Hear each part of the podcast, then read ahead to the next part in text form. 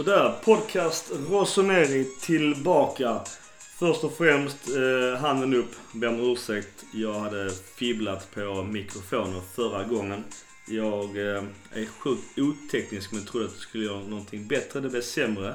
Så jag har återgått till tidigare inställningar så jag hoppas att det blir bättre. Men det var bara mitt fel, så handen upp. Sen vill jag också passa på att tacka de här fem grabbarna som swishade mig. Jag la ut nummer och eh, info i tidigare avsnitt. Så att, eh, stort tack till er fem grabbar. Nu skickar jag ju väldigt sällan julkort och det är kanske inte läge i februari. Men annars hade ni fått det. Ni fem vet vem ni är. Särskilt en av era snubbar. Så stort tack till det. Annars nätverk som vanligt. Svenska fans och Milan Club Svezia. Gå gärna med i Milan Club Svezias medlemskap. Då får ni bra rabatt på den här resan. Som anordnas i eh, matchen mot Calgary hemma. Zlatan är ju Milan eh, som alla vet och för er som är zlatanister och kanske lyssnar på podcast Rossoneri för första eller andra gången. Så vill jag gärna rekommendera tidigare avsnitt. Eh, ni behöver inte höra på allt bullshit-snack om Milan. Men det finns rätt så sköna intervjuer att lyssna på. Jesper Blomqvist, Jennifer Wegerup, Kapelin, Thomas Nordahl. Definitivt Filippo Galli, gammal mästare för Milan. Med flera, med flera. Många bra intervjuer som eh, jag rekommenderar.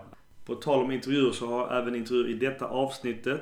Och det är med min Twitter-polare som även är med och pratar i Interpodden. För er som inte vill lyssna på detta så är det ungefär 15 minuter och sen så kör jag, Mackan och Gurra igång som vanligt.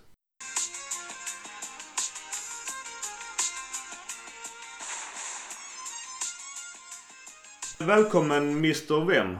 Hampus Kärki från Interpodden. Du, det hörs lite dåligt här nu. Nej, nej vänta, det är, bara, det, är bara, det är så långt bort. Det är 19 poäng mellan oss här. Oj, oj, oj, oj, oj, oj, oj, oj, oj. Ja, oj, oj, oj, oj, oj, Vad fan, vad ska jag svara på det? Älskade vänner, va? Vad fan ska jag svara på det liksom? Inte mycket, det är bara, det är bara att ta det. Det är bara... Nej, jag, kan inte säga mycket. Det, det är bara att ta det. Jag måste ju. Exakt, häll lite aloe vera på, på brännmärket efter bara. Det är Hade, hade det inte mycket att göra åt. Berätta kort om Interpod. Hur går det för er? Vad hittar ni på?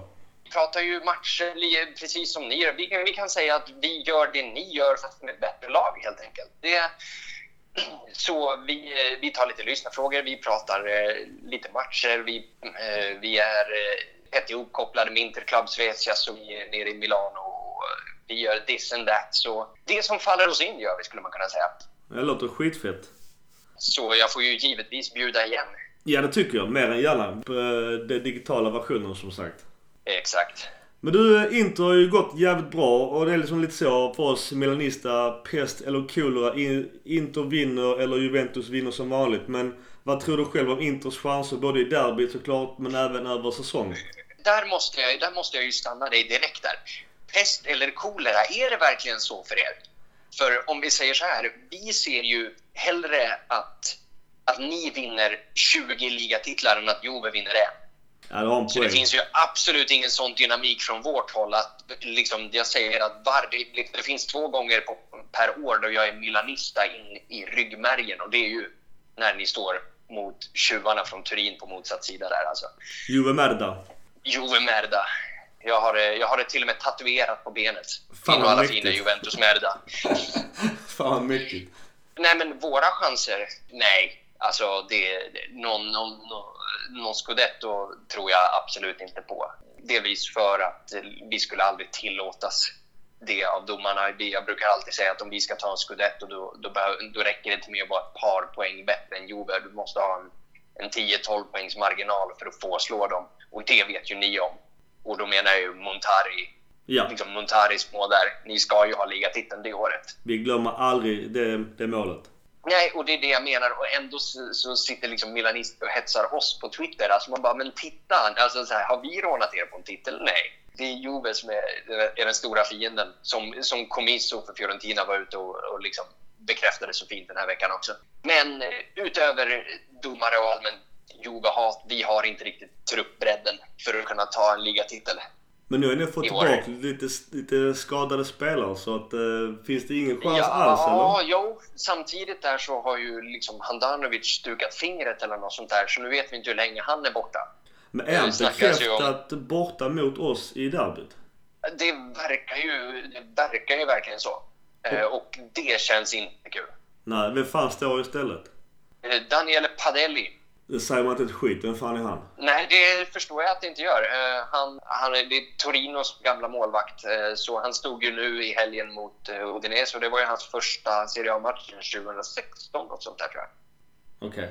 Men han gjorde en bra insats och sådär och det, det, är en hygglig målvakt men det är ju inte, det är inte Handanovic nivå där. Så våra målsättning, om vi ska slå er så som vi brukar, så gäller det ju att inte släppa till så himla mycket chanser. Ja, det jobbiga det var jävligt länge sedan vi vann av Inter. jo, ja jag menar det. Och det, där, där får man ändå, där får man ändå liksom visa lite respekt gentemot er Milan-fans. För jag vet inte hur många missbruksproblem jag hade dragit på mig om statistiken hade varit mot, liksom åt motsatt håll. Det är någon så här två derbyn på åtta år eller något sånt där om man räknar i ligan. För den här Cotrone-grejen i kuppen det, den Nej, det, det var det. det. det. försöker vi inte tänka på så jävla mycket här borta.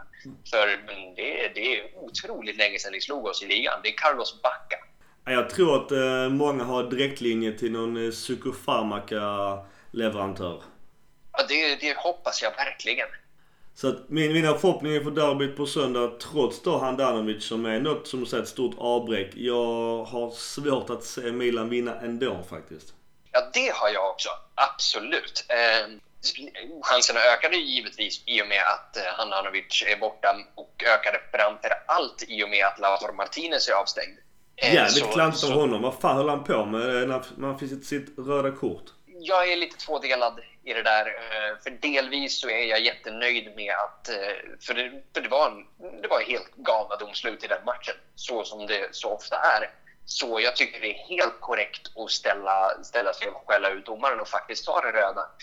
Timingen däremot var ju inte super. Han, han hade ju gladeligen fått göra den där matchen innan. Man kanske alltså, får fler Ta den röda mot Cagliari och, och, ta två matchers avstängning. Ja, precis. Men jag tycker det är rätt att, rätt att stå och käfta emot där. Även Tommaso Berni, vår tredje målvakt, som, som anslöt till oss för sex år sedan, eh, blev ju avstängd efter det där. Eh, han har dock inte spelat någon match för oss under de här sex åren. Så det är inte ett jättestort avbräck. Nej, inget. Men likväl.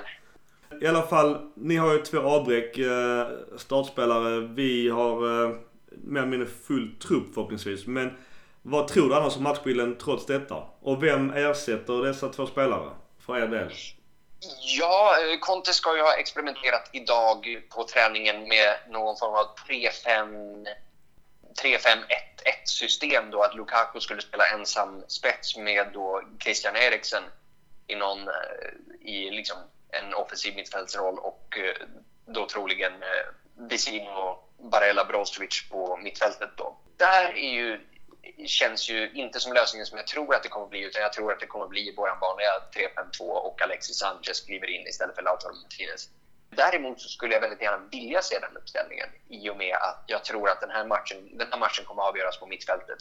Jag har highlightat två hot som jag ser från er och det ena är Theo Hernandez och det andra är Ibra. Ja. Och ingen av de här två kommer kunna få de här ytorna och kommer inte kunna få bollarna som de behöver om vi vinner mitten. Om ni vinner mittfältet så kommer ni kunna spela, kommer ni kunna spela igenom killar som Leao, Hernandez och Ibra och då kan det bli farligt för oss. Så det kommer bli en mittfältsfight det här. Du, på tal om mittfältare, ni har ju Christian Eriksen som alla har pratat oh, om. Eh, han går rakt in. I övrigt så är Danmark det finaste jävla landet i världen sen typ en vecka tillbaks. Jag kan tänka mig det. Ja, det var ingen Wesley Schneider-start där mot, eh, mot Udinese eh, som var hans första från start och sen hoppade han ju in 20 minuter där eh, mot Fiorentina i kuppen. Så det krävs ju en liten akklimatiseringsperiod. Men, eh, men alltså det är en mittfältare av absolut toppklass. Eh, troligen den största värvningen vi har gjort post Mourinho-era. Det är ju bara tacka och ta emot. Framförallt tacka Jove för att de tog Kulusevski. Du, på tal om Englands eh, nyförvärv. Vad händer med Alexis Sanchez? Är han någonting att ha eller vad fan kan vi förvänta oss av honom? Ja, han, ordnade, han grejade ju fram en straff mot Udinese här så alltså, han har ju varit... Eh, han såg ju bra ut när han kom så åkte han ju på en ganska liksom, en långtidsskada där så var ju borta tre fyra månader och är ju tillbaka först nu egentligen. Eh, och ja, är det den Alexis Sanchez som vi såg i, i Udinese, Barcelona och Arsenal? Nej, det är det ju inte. Men Sanchez på en bra dag är fortfarande en, en kvalitetsspelare. Så vi har ju våra förhoppningar. Jag tror däremot inte han köps loss. Eh, Sett till att hans lön är det av ett mindre lands BNP. Ja, den är Så- helt sjuk. Ja, helt så. Det, jag skulle bli mycket upprörd om, om vi löste Financial Fair Play-problemen som vi har haft nu under alla de här åren. Bara för att gå och drämma 10-15 miljoner euro om året på, på Alexis Sanchez som ändå fyller 32 i år. Okej, vi pratar Caldara och Bonucci-affären. Ni har gjort någonting värre, säger du? Ja, absolut. Eh, för det, var ju väldigt kul att ni tog upp det här liksom, i, i era förra avsnitt, det här världens sämsta transfer. Och den, den, eh, jag ska inte sticka under stol med att den slår jävligt högt. Det är väldigt, absolut uselt. Eh, så inga argument där. Men Inter kan ändå bräcka den där. Då vi gissa? till- Ja, Då gissar jag på Koku mot Cedorf. Den är, den är ju mycket dålig. Men det är Ja. inte den jag tänker på. Okej. Eh, Även, även liksom en, den billiga försäljningen av Andrea Pirlo till er, till er den, den svider ju också ögonen. Men det jag tänker på är, eh, är målvakten Fabian Carini. Har ni inte hört talas om honom, kära läsare? Det förvånar mig inte alls, faktiskt. För han Vem fan är det liksom? Exakt, vem fan är det? Jo, eh, mycket legitim fråga att ställa. Och eh, då kan jag berätta att eh, han då under säsongen 2003-2004 var andre målvakt i Juventus och värvades i en bytesaffär till Inter där han då blev tredje målvakt bakom dåvarande mm, Francesco Toldo i toppform och Pablo Orlandoni. Så han blev då tredje målvakt, spelade fyra matcher för Inter innan han lånades ut och kom tillbaks, eller lånades ut till Cagliari, kom tillbaks året efter och var då fjärde målvakt efter Toldo, Julio Cesar, Orlandoni och då Fabian Carini. Och han eh, byttes, ett rakt byte med Juventus eh, mot Fabio Cannavaro. Oj. Oj då. Mm, VM-mästare, Ballon d'Or-vinnare. Ja, den känns. Den känns. Eh, Så Carini gjorde totalt noll matcher för Juventus, fyra matcher för Inter och åtta för Cagliari innan han lämnade för Murcia. Där han gjorde 13 matcher och flyttade sen en sväng till Brasilien och sen tillbaks till Uruguay. Shit. Ja, den är jobbig. Ja, den är riktigt. eh, Men till vårt försvar, det verkar ha varit någon form av Moji-utpressning typ av eh, grejer där som... Det, det var en smutsig affär helt enkelt. Det är lite så, när Moji ville ha någonting så fick han det. Jo, Kan man i alla fall tro. ja, jo, bevisligen. Utan, Eh, utan men- att få ett uh, hästhuvud i sängen så kan man väl gissa det. ja, jo, men som sagt, det, vi kan göra en SVT-grej här och säga att det finns givetvis andra vidriga sportchefer i Juventus. Du vill prata lite om ligan och eh, Juventus såklart. Därför glider jag in på min sista fråga. VAR, vad har du att säga om det? Jag trodde att VAR skulle hjälpa oss mot Juventus i samlad trupp men de vinner ändå. Men vad är din åsikt om VAR? Nu kommer ju, det här är ju en högst opopulär åsikt, men jag tycker det är super. Jag också. Jag, vi, vi älskar VAR i denna podden. Jaså, ja men Ja, vad ja. trevligt. Ja, jag har lyssnat på de senaste avsnitten och har inte pratat så mycket om det. Men nej, eh, nej, vi, nej, vi är alltså, samstämmiga. numbers don't lie och eh, vi kan titta på antal dömda straffar eh, un, liksom, från säsongen då VAR infördes till innan och vi kan se hur mycket mer jämfördelat det är över ligan. Och det, det här bevisar ju ett, att det fungerar och det bevisar två, att det här är en korrupt skitliga. Enkelt. Så, så allt det här hatet mot, eh, mot VAR som framför allt kommer från Premier League och, och deras fans, det får ju stå för dem. Men Italien behöver inte mindre VAR utan snarare mer. Det är därför när det kommer nya sådana här, så som de har infört nu, att det finns viss tolerans vid, vid offside. Alltså, det där är ju starten på slutet av det där. Ja, vansinne. Totalt vansinne, för då- vet vi att okej, den toleransen kommer sträcka sig jävligt många meter när det är Cristiano Ronaldo som springer offside. Ja, Jag är inne på det återigen till Montar. Jag kommer aldrig glömma det. Men att idag hade funnits, borde finnas, likt ishockeyn, och haft en coach challenge av något slag. Så inte fuskdomare går in och säger när Ronaldo var onside fast han var en meter offside. Jo men exakt, något sånt här att, liksom, att eh, istället för att, att spelare ska springa fram till domare och sånt här som det också har gnällts om att det där tar tid. Okej, okay, så inför då att en gång per match så får man säga okej okay, den här vill vi att du går och tittar på. Istället för att domaren ska, få, liksom, ska gå och titta på sju situationer eller ingen. Exakt. Du, om någon eh, vill lyssna på er podcast, var hittar man då den? Eller vad heter den sa du igen?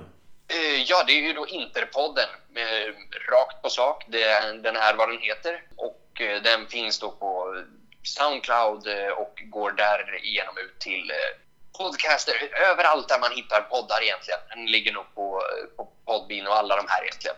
Sweet. Så, men framförallt om man är, om man är en Apple innehavare så som jag själv så dyker den ju direkt upp när den släpps på podcaster där. Så där kan man hoppa med, prenumerera och så vidare. Du, stort tack för kloka orden och ett litet lycka till på söndag men ett mera och större lycka till mot Juventus i ligan. Det tackar vi för eh, och eh, tack för att jag fick vara med. Tack själv. Ha det fett! Ha det så bra. Tack så mycket du.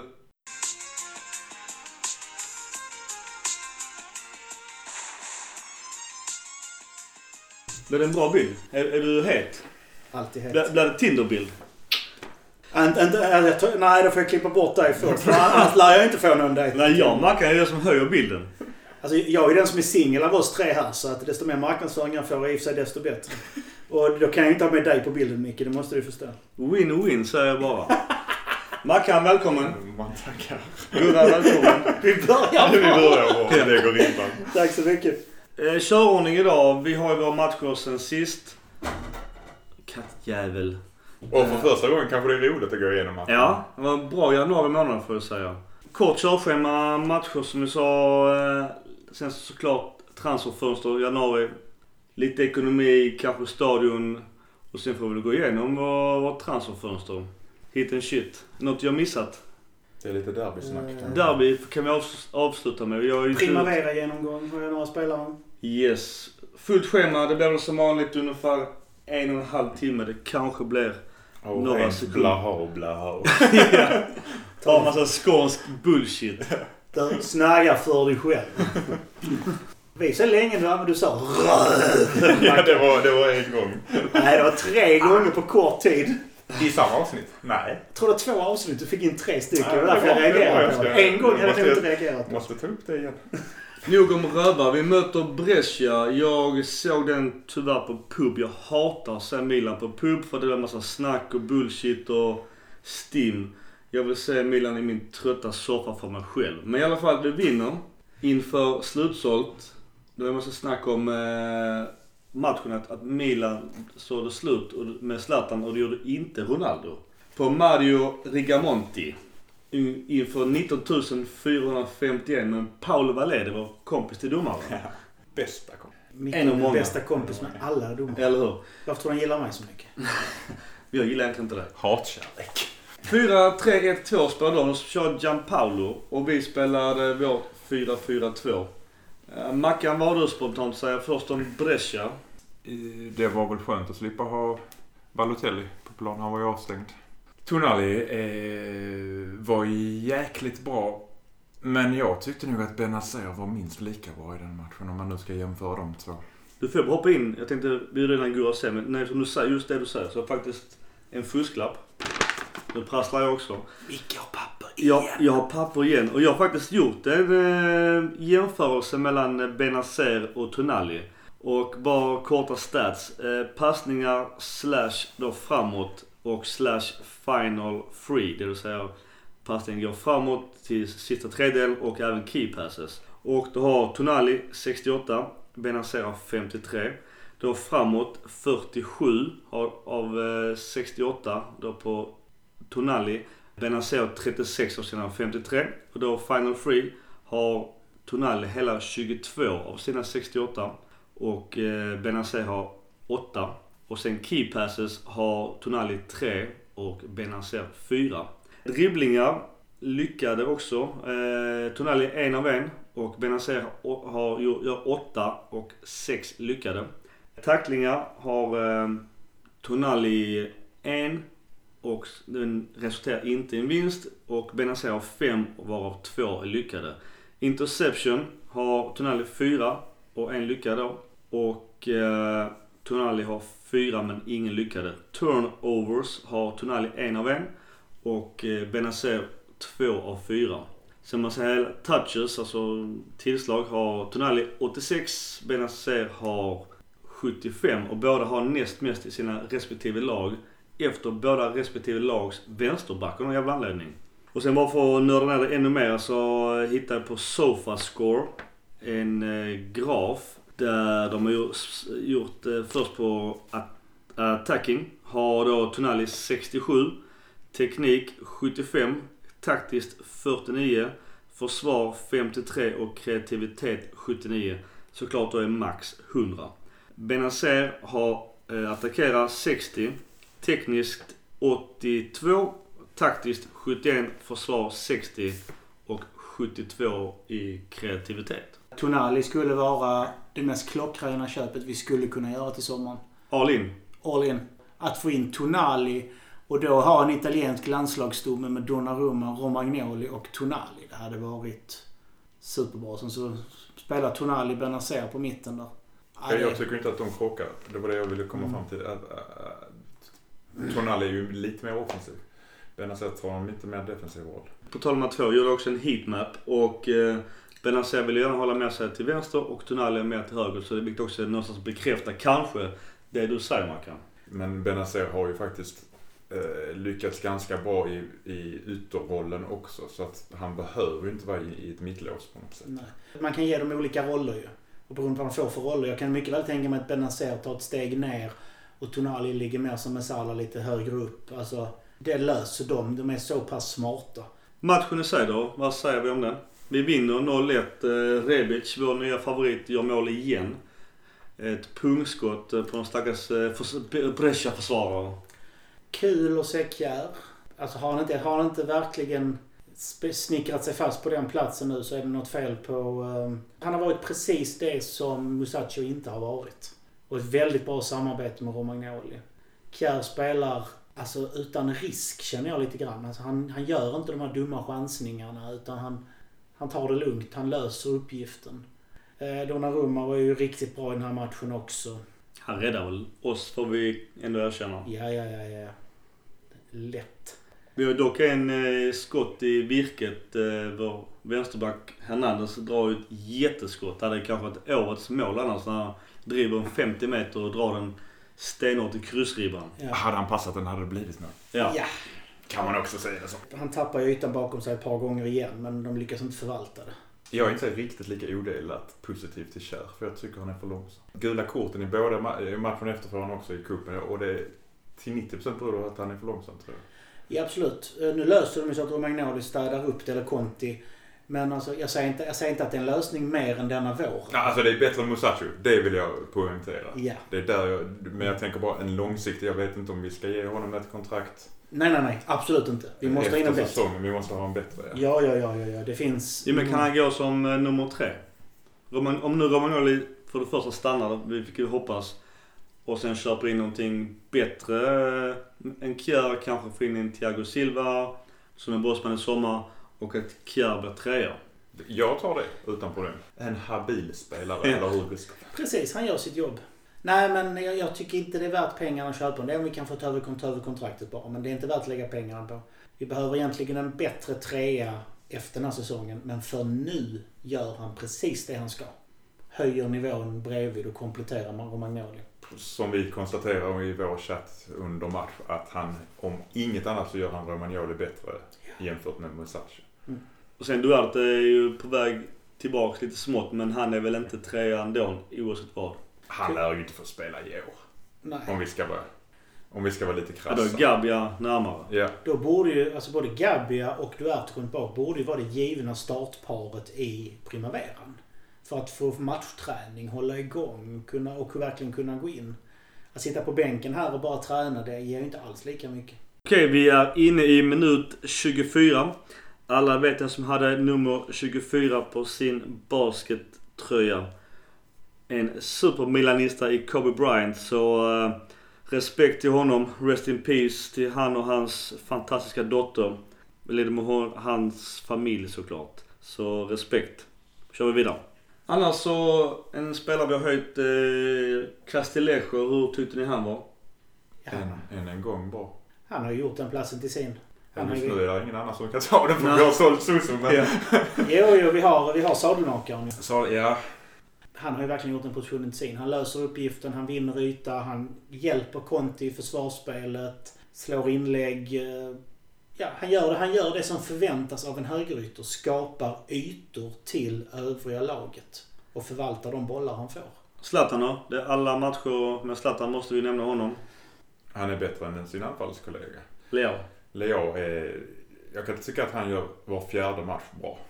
Kan man skylla det på åldern? Ja. Ja, Valpi skrev jag väl i någon chatt Mm. och kanske...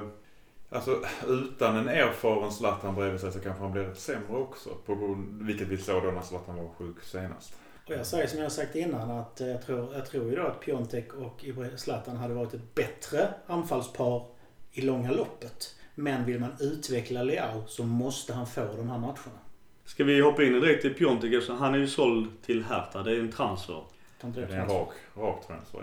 Men här finns han ju fortfarande. Han är fortfarande han- där- Ja, det är mest så eh, som att... Inte Ja. bättre vi hoppar in det på den. Vi kan ta det på Silly och transfer sen ja. Och jag håller med dig Gustav, Donnarumma var bäst i matchen. Ja. Eh, Han räddade oss.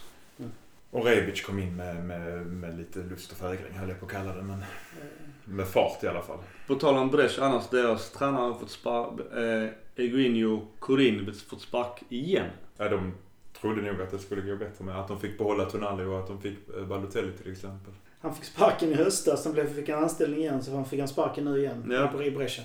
Men mer att säga om eh, Brescia? Ganska tråkig var det, kvällsmatch. Jag, jag, jag ska upprepa mig själv. En dag på jobbet och Rebic avgör. Men bara kort, Kessie spelar centralt med Benazer. Vad tycker du om hans eh, insats? Defensivt gör han det bra och säkrar upp. Men offensivt är han ju fortfarande för valpig i fötterna. Jag tycker han har blivit något bättre. Han har höjt sig något i det nya systemet 4-4-2. Och det är delvis för att han inte kommer upp så ofta. För där är andra som tar den rollen. Heller Biglia som skickar i fel positioner. Såklart. Det kunde ha sett likadant ut om Biglia hade spelat istället för Benazer. Det, vet, det vet vi nog. Det vet vi nog. Ja, vi vill lämna Brescia. En tradig match, som vi sa, dag på jobbet. Tre poäng är det viktigaste.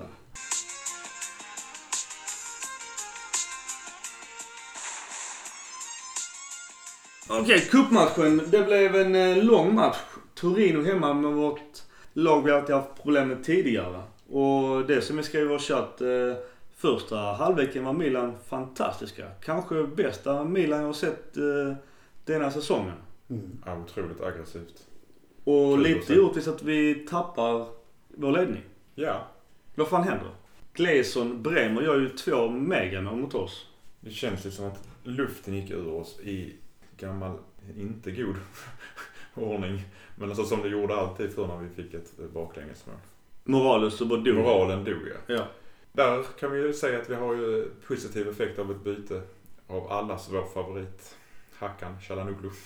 Nej men det var ju ett byte som kanske gav effekt i alla Ja fall. men det gjorde det. Alltså Hackan måste vi ge skit när han har skit. Men den här matchen han ju två mål som är jättebra. Absolut. Han har ju börjat röra sig Hakan och det, det är en stor fördel. Han, han rör sig, visar att han vill ha bollen, söker ytor. Han står inte stilla på en vänsterytterposition längre och hoppas att någon annan ska servera honom. Så det, Och han har tur. Och det handlar ju om ett lag som är i harmoni har ofta tur också. För alla de här deflections som han har haft nu med två mål på... För, som, hade de, här- för två månader sedan hade de gått ut. De Ja. hade inte gått i mål. I Premier League hade, det- hade de inte ens räknat som hans mål. Som hans mål. som självmål. Precis. De är mycket, mycket hårdare med det. Jag tycker det är lite löjligt just det med att inte han skulle få ett mål. Visst det är ju... Ja, ja, Ja, men det är en annan diskussion. Det, det man såg på Torino var att de satte press på vår, mot vår vänsterback. Det reagerade jag på under matchen också. Att de, sö- de, de sökte de ytorna. Precis som alla andra har de scoutat att Hernandez är svag i försvarsspelet. Och att vår gamla spelare Simeone Verdi som jag hade jag velat säga Milan men... Eh, Belotti är jobbig jävla möte också. Belotti eh, flyttar du inte på. Han är som byggd som en liten stridsvagn. Däremot, eh, vi har ju sjukt mycket skott på mål igen, som vanligt. Vi har 25 skott mot mål. Och eh, Sirgu, deras målvakt, alltså jag tänkte han, han tar ju allt nu. Sen, sen rann det ju iväg. Eh, Zlatko gjorde ett och Hakan gjorde, gjorde två. Så, det, så vi, vi vände ju steken.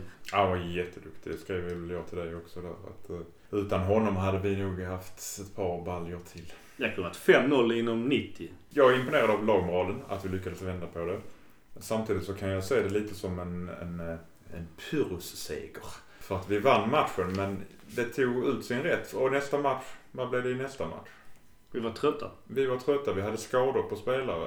Både Zlatan och eh, Kjär hade väl någon form av influensasymptom. Det kunde de ha haft ändå, men man vet inte om de hade haft Men det. desto tröttare kroppen är efter en sån här, desto mer mottaglig är man för bakterier. Såklart. Så det kan ju ha med saken att göra. Precis, så att, eh, och- som vi ser, vilka får vi möta i kuppen nästa omgång? Det är Juventus. Så frågan är ju om det är, kostade mer än det smakade. Vinner vi den så kan vi förhoppningsvis ta hem kuppen. Tar man hem kuppen så är det en titel. Titel väger alltid tyngst. En, en säsong utan en titel är alltid misslyckad. Nu, nu kommer folk att hata mig, men rent tittar man i historien så minns folk en kupptitel mer än en fjärdeplats. I, I Milans fall är det ju dessutom kanske ännu viktigare än Mm. för ett lag som vinner kuppen vart 25 år och aldrig vinner titlar. Men jag tar lätt hellre en fjärdeplats än en cuptitel. Det är en helt annan sak. Jag, jag, jag är fortfarande på den för att en titel ger en vinnande känsla. Det ger en vinnande tradition. Det är något att ha med sig. Ett lag som vinner går också bra i förlängningen. Jag tycker om om man ser på förra året eh, så var vi ändå ganska långt i cupen och vi torskade mot Lazio efter en, två skitdåliga matcher. Och de slet ganska hårt på oss. Jag är rädd för att möta Juventus här. Det är två roliga matcher. Vi säljer sagt slut på San Siro hemma mot eh, Juventus. Så det är två inbakade matcher i vårt rätt så tajta spelsystem, eller spelschema. Och eh, frågan har vi råd? Rent krasst. Ska Milan vara en storklubb så ska man, kunna, ska man utmana och konkurrera och satsa på att vinna alla turneringar man är med i. Just den dagen man ger upp det, den dagen accepterar man att man inte är en storklubb och då är man på väg ut för mer än vad man är i realiteten. Det är en ren mental inställning.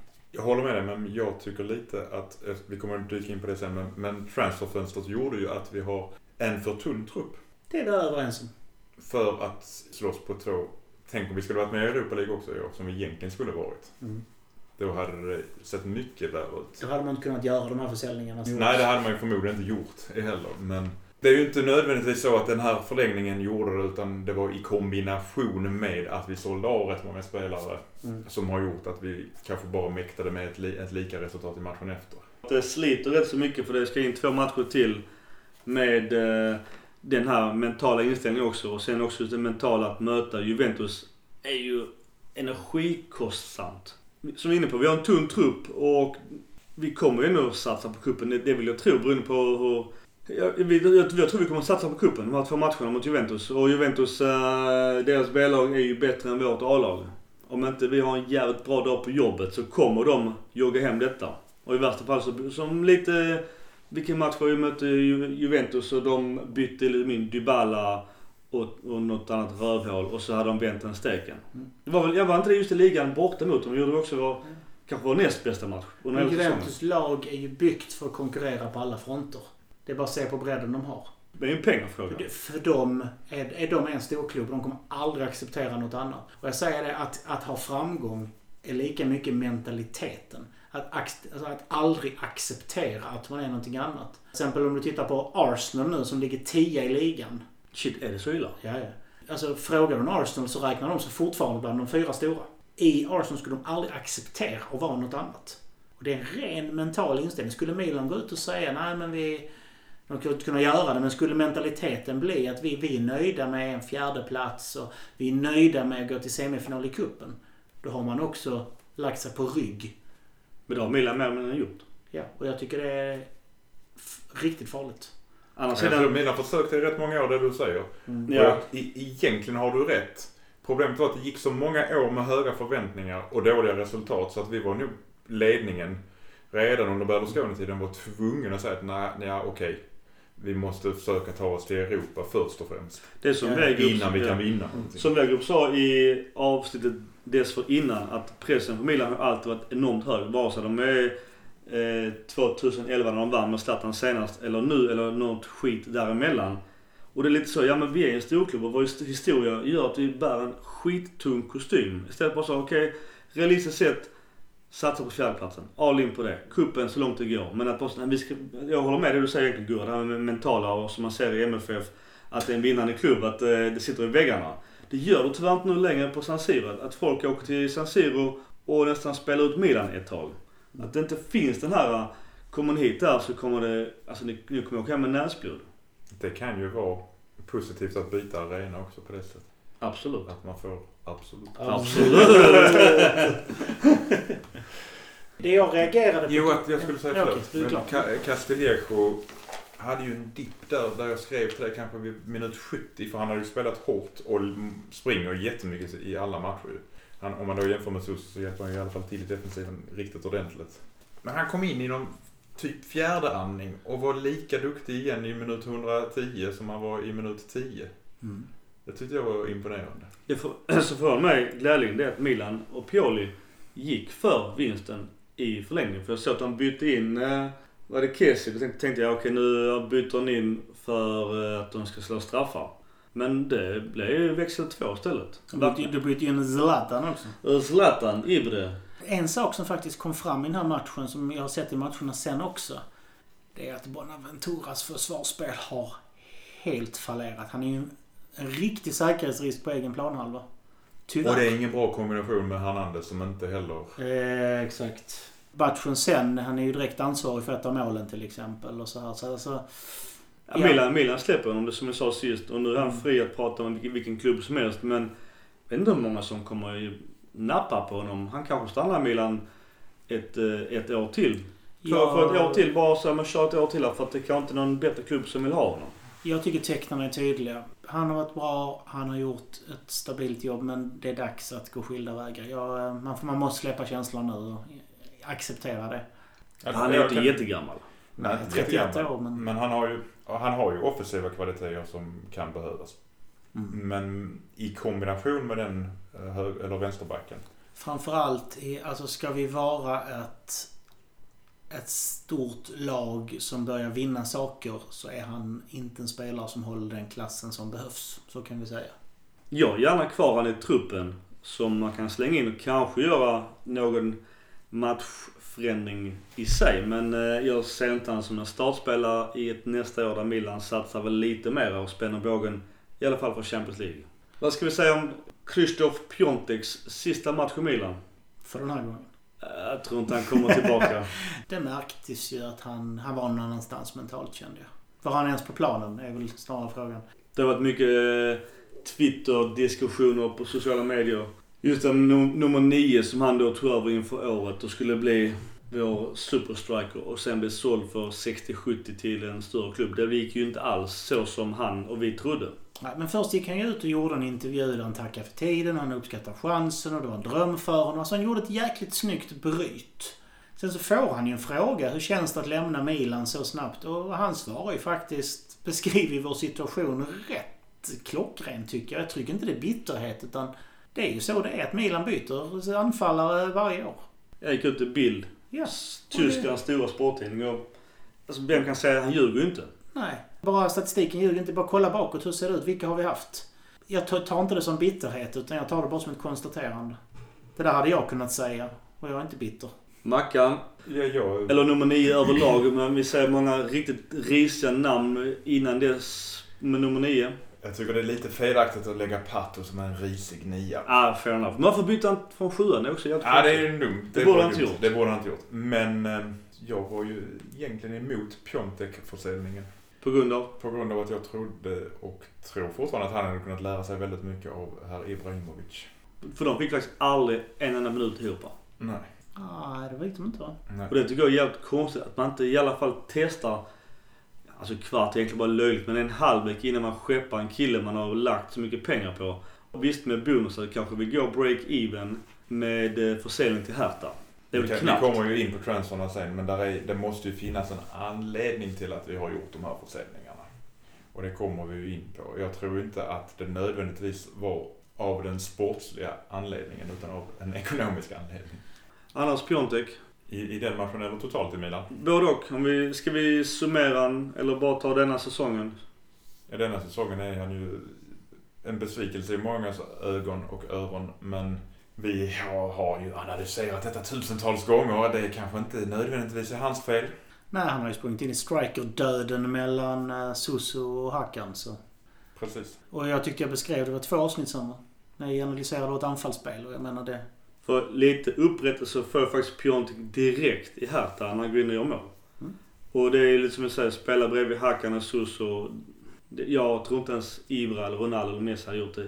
Ja, såklart bättre kanske, men poängen är fortfarande som jag har sagt att spela däremellan och då har inte Piontek det registret. Men han visade Hertha direkt att han är måltjuv.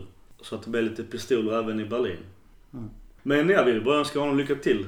Ja, så jag tyckte hans förra år var riktigt bra och eh, tyvärr har han inte lyckats i år. Det är bara att gilla läget. Och då är det kanske bra att bara få pengar för honom nu. Även om jag tror att det hade kunnat vända.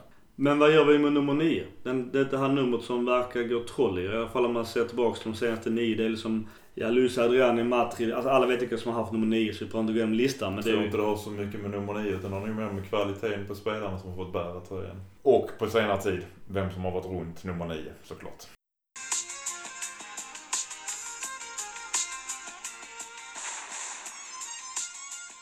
Okej, vi glider över på Verona hemma. Vårt 4-4-2. Mot deras Verona då 3-4-2-1 med Ivan Djuric som tränare. Den lille kroaten som är ganska hetlevrad. 1-1. Vad säger vi? Återigen så syntes ju som jag nämnde precis att Bonaventura är en ren säkerhetsrisk på egen planhalva. Många, många missar i försvarsspelet. Och blir även utbytt. Ja, Han är det rätta. och 0-1 är ju återigen en andras försvarsspel känner jag. Ja, det håller jag med. Så tyvärr har vi en vänsterkant som är jättedålig på att försvara.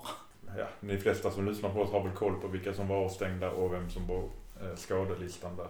Men Benazer eh, saknades väldigt mycket på grund av sin avstängning. Det är Jättemycket. väldigt smart att ta avstängning i denna matchen istället för mot Inter såklart. Som jag sa innan, Leao känns inte alls lika trygg utan Zlatan till exempel. Som då hade influensa. Och allas vår vän Musacho var tillbaka på grund av att Kjär hade influensasymptom. Hoppas bara att det var tillfället att eh, Musacho är tillbaka. Att Kjär ändå spelar derbyt. Ja, det får man ju hoppas. Verkligen. Men annat var mycket snack på TV om att eh, Milan då hade Leao och Rebic på topp. Det vill säga två löpande anfallare och ingen nummer nio som man så fint säger då. Är det så avgörande att- att man måste ha någon form av target nummer nio variant Eller ha två likt då Rebic och Leao. De har funkat ihop men de har inte spelat jättemycket ihop heller. Att ha två rörliga anfallare kan vara jättebra.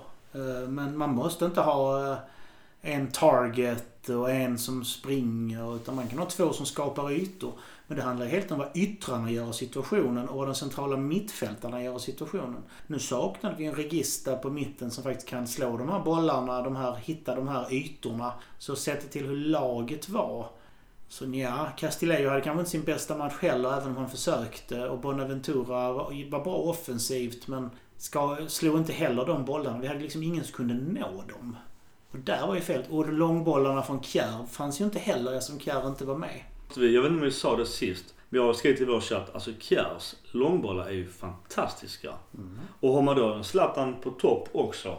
Det blir ett helt annat spel i Milan med just de här två som vi saknade då. Plus då Benazer. Så det är en i varje lagdel.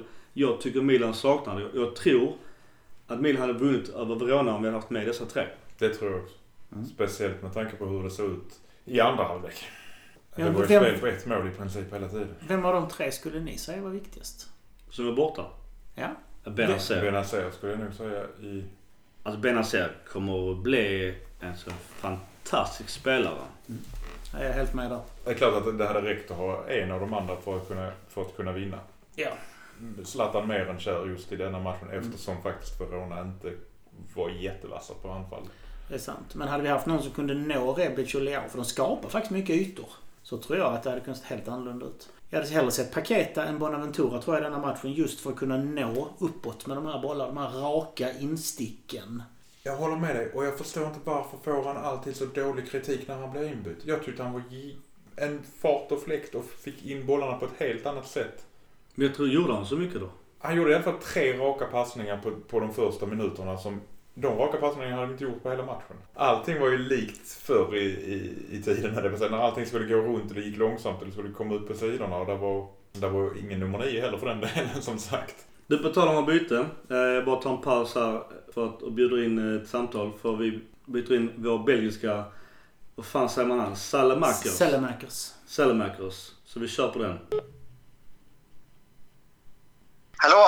Tjena, läget? Tjena, läget är bra. Själv då? Det är bara bra. Okej, eh, välkommen. Ja, tack. Du, Tack vi, vi har ju snackat på Twitter och först och främst ditt eh, Twitterkonto. Vad heter du där? Belgisk fotboll heter jag. Eh, Allt som handlar om Belgien, det vill säga belgiska landslaget, belgiska spelare och alla spelare som är i eh, belgiska ligan följer jag med extra noggrant med. Och jag ju, framförallt Anderlecht. och jag har ju pumpat dig lite info för Milan har ju en ny belgare i laget. Eh, vill du berätta lite kort om honom? Alexis Sallemakers heter han. Alexis Sallemakers kom till Anderlecht när han var 11 år gammal. Var inte den största talangen när han kom till Anderlecht. Blev upplockad till A-laget i 2018. Började mars 2018, första matchen mot Gent under Hein van Azenbroek. Och, och det roliga med honom är att när han var med i B-laget så satt han för det mesta på bänken. Men tränaren till B-laget som var Emilio Ferreira såg att det fanns någon potential med honom som högerback. Så de utvecklade honom som en modern högerbackspelare. Så började han att få spela lite som högerback och Hein van Azenbroek som var då A-lagstränare till Anderlecht såg någon form av potential i den killen för att han var otroligt teknisk. Bra fart, men han var ganska eh, smal och väldigt, han var inte så stark för att det krävs en form av naturlig styrka för att klara överleva i den belgiska fotbollen. Men han trodde väldigt mycket på honom. Så Hein van plockade Alexis Sallemakers till A-laget. Han fick börja mot Gent som högerytter i ett 3-4-3-system och blommade direkt. Och, eh, och anledningen var väldigt enkel. Inte bara att han hade den härliga tekniken som man förväntar sig en, en Anderlecht-spelare ska ha. Han hade också den här sydamerikanska grintan. Han var ju han var, han var smal, men han tvekade aldrig gå i dueller. Han var helt orädd. Och det, det älskade Anderlecht-fansen. Att här hade man en kille som verkligen gav allt på banan. Och um, dessvärre så fick han några gula kort för att han var, han, han var, han var, väl, han var ganska... Han är en väldigt härlig kille. Man är stor i käften när man, när man är ute på banan. Han går väldigt lätt att klaga på domaren och blir väldigt stint om saker och ting går emot honom. Men han har, han har en härlig personlighet. Det är verkligen en kille med så stort hjärta som tvekar aldrig att gå in i dueller. Och, och i tillägg till det har han en väldigt fin teknik, har bra fart och en härlig högerfot och väldigt bra inlägg. Bra skott också. Det han borde förbättra det är ju han borde bli mycket mer jämnare för att han kan försvinna under en match lite då och då. Men det är för att han är ganska ung också och han borde vara lite mer effektiv framför mål. Han, han missar många lägen. Eh, men det tror jag Zlatan kan lära honom. Men Milan Och, eh, köper loss på ett lån med obligation att eh, köpa honom. Exakt. Kan du Exakt, siffrorna? Lånet är ju på 3,5 miljoner euro och så kommer de vara tvungna att köpa honom i slutet av säsongen för 3,5 miljoner till. Så det blir 7 miljoner totalt plus en miljon bonus som kommer komma. Så totalt så blir det 8 miljoner. Är det en rimlig summa för honom? Det tycker jag. När man tänker att han, vi, många i Anderlecht-fan hade tyckt att han kunde ha stannat ett år till. Då hade han kunnat säljas för 15 miljoner euro. Lätt. 8 miljoner är en ganska billig pris för den potentialen som han är. Ändå köpt som högerback eller högerytter? Och det är en bra fråga. När han började i A-laget som högerback, men eh, Company trodde inte på honom som högerback i Anderlechts nya eh, lagsystem. Så han fick, börja, han fick spela som högerytter och vänsterytter, vilket han gjorde väldigt länge i Anderlechts ungdomsakademi. Men jag skulle inte förvåna mig om han uh, blir någon form av högerback i Milan. För att han har ju vissa svagheter i det defensiva spelet. Men jag tror att uh, Stefano Pioli kan absolut lära honom det här. Det skulle absolut inte förvåna mig att han blir en, uh, någon form av modern, härlig högerback som ni kanske behöver. Du, eh, stort tack. Om någon vill eh, läsa mer om belgisk fotboll, vad heter ditt, ditt Twitterkonto igen? Belgisk fotboll heter den. Då får, då får folk gå in och läsa det helt enkelt. Absolut. Du, stort tack för all info och eh, hälsa De Schaft om du minns honom. Ja, Olivier Descartes, han var ju en legend, men han var inte bästa vän med Beirang Safari. Nej, jag har hört storyn från Birre det här kan vi ta utanför... Uh... Han var jävligt grym på Football Manager i alla fall. Ja, Football Manager precis. Ja, det var han i och för sig. Ja, tack så jättemycket. Ja, stort tack du. Och uh, vi hoppas att fler kommer följa dig nu. Ja, det hoppas jag också. Det var jättekul. Tack för din tid. Tack så själv. Så önskar dig en trevlig kväll. Ha det fett. Tack, tack. Hej. Ciao. Som sagt, in och följ honom. Han kan allt om belgisk fotboll. Jag uh, fick ju tyvärr klippa bort den här lilla sekretessen. Jag känner ju Berang Safari också, den underbara MFF-aren som spelar Anderlecht. Så att eh, det får väl bli någon annan off record avsnitt kanske någon gång. Men eh, nu kör vi vidare med resterande. Och vi byter även in vem då, Ma Mackan? Daniel Maldini. Trevligt. Massivt. Det är snyggt. Det är jävligt snyggt. Det är salut på den.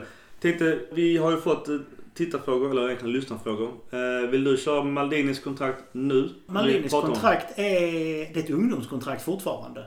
Om han inte har fått ett nytt de senaste månaderna. Men det tror jag inte han har fått. I så fall går han fortfarande på ett ungdomskontrakt och tjänar 950 pund i månaden utan klausuler. Det är sinnessjukt om det stämmer. Ja. Men eh, jag det kan finnas att klubben har någon form av bonus för ungdomsspelare som går upp och spelar med A-laget. men det är ju interna kontrakt i så fall. Men officiella är att han tjänar 950 pund i månaden. Å andra sidan så det lär, inte, det lär inte vara någon annan som lär komma och värva honom. Det tror jag inte riktigt går. Jag tror inte han är tillgänglig. Men däremot så var det ju rykte som sa det att det fanns klubbar som ville låna Junior Maldini, den tredje generationen, i januari. Men där gick Milan in, eller kanske pappa Paolo. Jag vet inte vad som är hönan ägget där. Men att eh, den utlåningen blev i alla fall stoppad. Likt också då Gabia som vi klokt nog har kvar i klubben. Om vi ska kunna liksom ha någon form av spelare på matcherna så måste, kan vi inte låna ut fler. Vi gjorde oss av med tillräckligt många som vi inte ersatte. På bänken blev inte inbytt för vi hade ju redan varit tre byten. Men eh, Laxalt är tillbaka. Var Diego. Ja, det var ju också transferfönstret som spelades ett spratt där i, i, i sista, sista dagen var det till och med. Mm. Är det bra eller dåligt?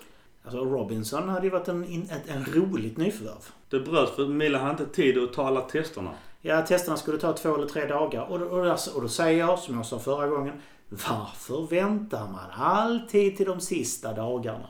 Det här ska man göra, planen ska vara klar. Det här ska man göra första veckan i januari. Jag vet varför om du vill ha ett svar på frågan. Man hoppas få lägre pris? Nej, för att de var tvungna att sälja Rodriguez och det är den affären drar ut på tiden någonsin utav. Yeah. För de, det gick de ju ut ganska tidigt med och ville bli av med honom. Mm. Och han ville själv gå, men det ja. blev inte Fenerbahce som han själv ville egentligen. Nej. Utan det blev PSV, för en spottstyvel. Ja, men oavsett anledning så man kan inte komma sista dagen och förvänta sig att man ska kunna få medicinsk analys som tar tre dagar att få igenom. Men min fråga är då, som är ganska okunnig. Vad fan gör man på tre dagars medicinsk analys? Alltså vad fan gör man som tre dagar? Blodvärden misstänker jag.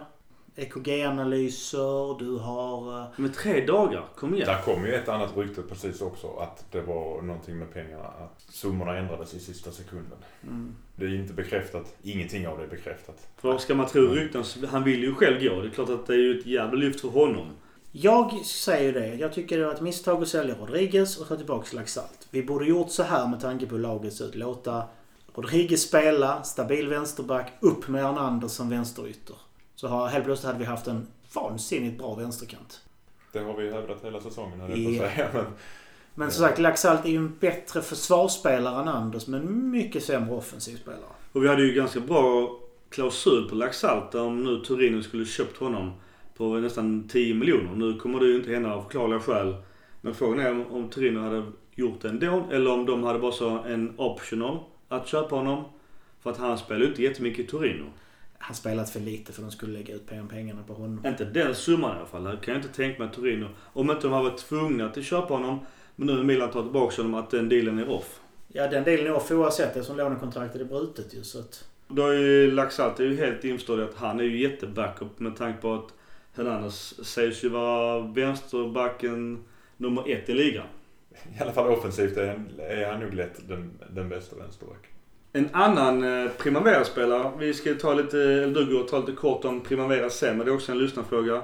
Och det är att vi hade även 94, nummer 94 på bänken i Bresciani som är Primaverans kapten och det är en central mittfältare. Jag vet ingenting om honom. Den kan vi lägga som en blänkare till nästa avsnitt. Kan jag kolla upp lite mer om honom.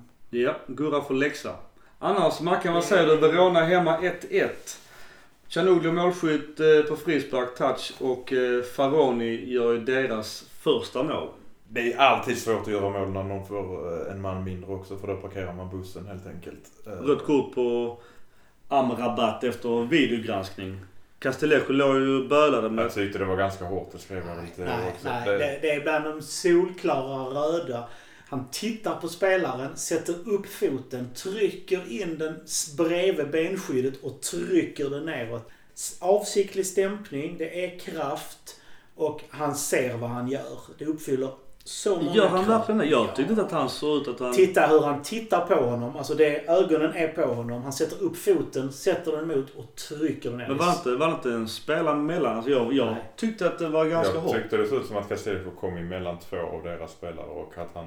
Jag säger inte att det var fel. Det är inte det jag säger. Utan jag säger bara att eh, jag hade kunnat köpa att det blev ett gult kort. Det blir lite som man har sagt tidigare. Om man fryser en videogranskningsbild så ser det ut som en super karate kid spark i, i knävecket. Och me- megarött. Eftersom ni frågade mig och jag har sett den här i efterhand så kollade jag om den här situationen säkert sju, åtta gånger. I början kan jag hålla med om att nej. Men desto mer man tittar på hur, han, hur hans blick är, hur han rör sig. Hur han faktiskt... Han försöker inte springa. Det är inget löpsteg han gör utan verkligen sätter upp foten för att trycka på honom. Och då är det cyniskt, det är avsiktligt och det är farligt spel. Solklart. Just. Amrabat är ju redan köpt till Fiorentina för 200 miljoner kronor och var jävligt bra på mitten. Men jag tror också det är jävligt lätt att spela med eh, Veloso, den gamla räven. Jag tror att han gör svinmycket och jag tror att han gör, spelar runt sig sjukt mycket bättre för att eh, många runt honom har blivit jättebra spelare eller dyra. Eh, Man kan väl också säga att vi uppenbarligen saknade någon som kunde göra bra avslut. För det var väldigt, väldigt mycket på deras mål men bredvid och över och På tal om deras målvakt, han ser riktigt läskig ut. Sån eh, supertysk eh, industrihårdrockare som har riktigt läskiga ögon med sin jätteknepig blonda, blonda frissa. Nej, usch. Men deras målvakt var ju inte dålig heller. Han gjorde en hel del bra räddningar. Han maskar rätt mycket också. 26, Ja, men det fick jag 26, gult kort för. 26-7 i skott och 60 eh, mot 40 i eh, bollinnehav. Det är ganska tydligt övertag. Ja, men det blir ju rätt mycket mer övertag efter röda kortet och de byter då in Lord Borini. Han var precis som Milan, sprang runt och flaxade och bölade och filmade. Jag bara, jag bara fick känslan att han kommer göra mål. Jag hade inte blivit förvånad om han hade gjort det. Jag tyckte att Paqueta gjorde ett positivt intryck när han blev inbytt. Yes. Men övriga, ja, Maldini han fick ju knappt röra bollen för matchen tog slut en minut senare. Med vårt nyförvärv, Salemaker, Makers, Salemakers. Säg sadelmakaren så vet jag. Sadelmakaren. Han har ju gått ut i en intervju efter och sagt att jag, jag visste inte vilken position jag skulle spela på. För Pioli pratar italienska med mig och jag kan inte italienska. Nej, nej. Eh, Så han, han, var, han, var ju, han ville ju visa upp sig och som vi skrev i slutet, alla ville bli hjältar och därför tänkte de inte. De sista tio minuterna så tänkte inte spelarna utan alla ville göra målet som räddade tre poäng. För det är så återigen är det över 50 000 på läktaren på San Siro och det är ett jävla tryck. Milan går för tre poäng och han är inbytt. Alltså det är klart att han vill göra en drömdebut och han drar ju, jag vet inte om han är, jag tror han är högerfotad eftersom han spelar på högersidan. Och han drar ju sina båda skott med vänstran. Var och ett eh, träffar ju fjärde ringen om vi hade haft en fjärde ring. Så att jag vet inte vad han, vad han tänkte med det men visst det är väl det här hybrisen och han vill visa upp sig. Jag tycker det är konstigt om inte nu Conti, vilket visar sig att han kanske har lite skadekänningar för det, han är tveksam inför derbyt. Jag tycker det är ett konstigt byte. Om han nu skulle vara på högerbacken eftersom Castillejo var kvar så finns det ju ingen... annan logisk plats för honom att ta. Nej, han- han är ju högerkant. Han har både spelat högerback och högerytter. Så att, Men jag menar att bytet var konstigt. För hade Conti varit frisk så hade jag nog hellre tagit in honom för att kunna göra... Eftersom han... Han hade inte varit med på en träning. Pioli tänkte att pressa mer på sin planhalva. Ja, men jag tycker Conti och Castelleff har, har funkat jättebra vi överlappar varandra. Så att jag, jag tror att det var ett misstag. Om inte nu var det att Conti kände någon skada och han ville honom för han ville ha honom till det. ja, inte omöjligt. Ska vi avsluta Verona hemma? Hellas Verona. Ja, vi borde vunnit. Klantigt att inte göra det. Men ett poäng är alltid ett poäng. Ännu mer klantigt med tanke på att alla andra resultat som är i, för att komma upp i topp 4-platsen är, gick oss ju faktiskt rätt denna helgen. Ja. Men jag måste ge cred till Hellas Verona att i första halvlek så tycker jag de är bättre än Milan. Ja. Håller Spelar rolig fotboll också. Och återigen Veloso, det är en gammal football manager-favorit men fan han är bra fortfarande. Han är stabil. Det är en sån spelare som aldrig står fel. Nej men han kan ju verkligen fotboll. Mm. Ja, fakta vi lämnar Verona.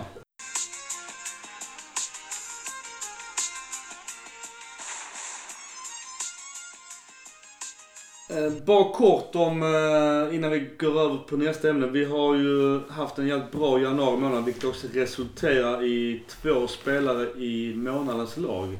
Då har vi anfallet Ilicic, inte så konstigt, eh, Ronaldo. Boo! Och sen har vi mittfält med Gosens från Atalanta, De Paul, Gomez och Linetti från Sampdoria.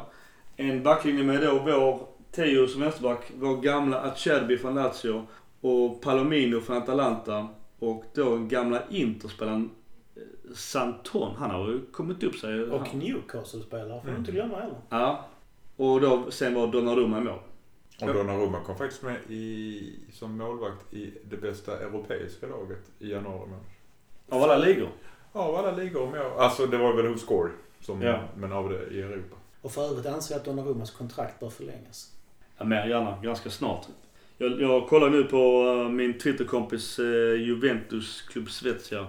Och eh, där är ryktet att Juventus är beredda på att eh, lägga mycket pengar på Donnarumma i sommar. Och återigen, om inte vi når i alla fall en sjätteplats. Hur länge kan vi hålla tillbaka Donnarumma då? Och kan vi då casha, nu tror inte jag att det blir 100 miljoner, kanske ett värde med spelare dessemellan. Men eh, jag, jag förstår om han lämnar om vi ännu en gång hamnar på en pissig placering. Jag, jag ska upprepa vad jag brukar säga. Det var ett av de största misstagen i modern tid att sälja Donnarumma. Han ska få det ett kontrakt i princip han vill. Det är han som ska vara hjärtat i laget framåt. Under en och en halv miljard så ska han inte säljas.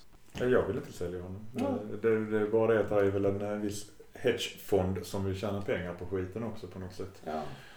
Ska vi göra den övergången, på tal om hedgefond, Elliot, eh, vår ägare och alla rykte kring Arnault och alla hans massiva bolag och pengar och rikedomar.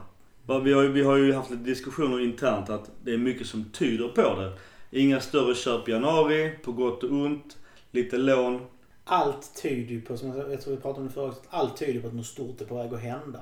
Och en sån ägare som Arnault, som inte behöver göra det för att tjäna pengar på klubben, utan kan bara ha det som en ren marknadsföringsgrej, hade varit klockrent. För har man en ägare som behöver sportsliga framgångar på planen istället för att krama ur varenda krona, vilket många av de här amerikanska ägarna gillar att göra, då kommer vi också få framgångar på planen. För de inser att framgångar för Milan kommer ge fördelar för alla deras andra varumärken. Så den typen av ägare, precis som oljeshejker och liknande, den typen av ägare kommer att ge titlar, det kommer att ge framgång, det kommer att ge historier. Men där är ju även rykten som säger att en eh, amerikansk biljonär som heter Daniel Friedkin. Miljardär är det på svenska. Just det. Du sa. Ja, men han kan vara, kan vara en biljon, det vet jag inte. Jag vet faktiskt inte hur Han kan ha alla sina pengar på Milan. Han kan hur. Jag tror inte han har tusen miljarder kronor på Milan. Nej, men han, han kanske har det. Jag sa att han, om han är biljonär. Han kanske bara har en miljard. Skitsamma, vi tar om det här. Ja, Micke kommer inte klippa Ja. ändå. Micke kommer inte klippa ändå. Nej, glöm det. En amerikansk miljardär som hade lagt en miljard, eh, eller hade inte lagt utan han hade eh, erbjudit att köpa Milan för en miljard. Och det hade Euro. Euro, ja. Det vill säga i runda slängar 10 miljarder svenska. Och Lägg märke till att det är Mackan som är ekonomen. Men Elliot nekar det. Varför gör de det? Om man de vill tjäna pengar? Ja, då är ju min, min första tanke är att det finns ett förhandskontrakt med Arnault till exempel. Ja, för varför skulle de annars? Där För de har gör ju pengar. Av, ja, där de har någon form av exklusivitet. Att vi förhandlar med varandra. Jag vet inte om ni kommer ihåg det, men det hade ju bland annat eh, vår thailändska spekulant. Han hade ju det ett tag innan det, inte, innan det rann ut i sand. Och då hade de exklusivitet, att de förhandlade bara med varandra men det rann ut i sanden för det fanns inte pengar tror jag. Mm. Men, men det fanns det hos kineserna tydligen. Eller? Eller? Var det de som köpte Swansea sen? Nej, jag, tror, jag vet inte vad han har gjort. Okej. För mig tyder det på att det finns någon annan som är eh, redan i någon form av förhandlingar med Elliot. Och om jag då får glida in lite på transfer så tyder ju det också på det tycker jag. För vi säljer av spelare. Eh, vi, de vi får in är lån i princip allihopa. Alternativt korttidskontrakt. Eh, de lånen är med köpoption, inte tvång.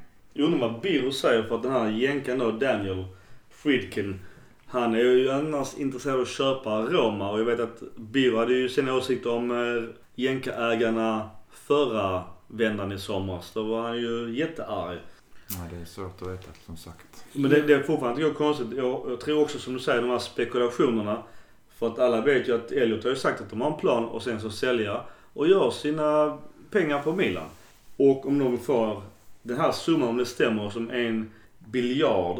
Va? Miljard. En, en miljard. En, en, en miljard miljard euro. är det- är det att sätta nian i hålet eller en biljard? Ja, Ja, ja. den är ny. En, en miljard euro. Det är klart att de hade tagit det om inte det finns någonting annat. De skiter i Milan, de vill göra cash. ja, precis. Som sagt, hade det varit deras pris och de inte hade förhandlat med någon annan så hade de ju tagit det. Det här är att fortsätta i samma hjulspår som nu. Det här är en ägare som bara kommer se vad som står i slutraden och skita i vad det sportsliga vi ger. Ja, han kan vi skippa. Ja, ja, ja. Du, vi, vi byter sida och glider över på transfern och vår eh, vintermercato som man säger på italienska. Det vill säga vårt vinster, vinterfönster.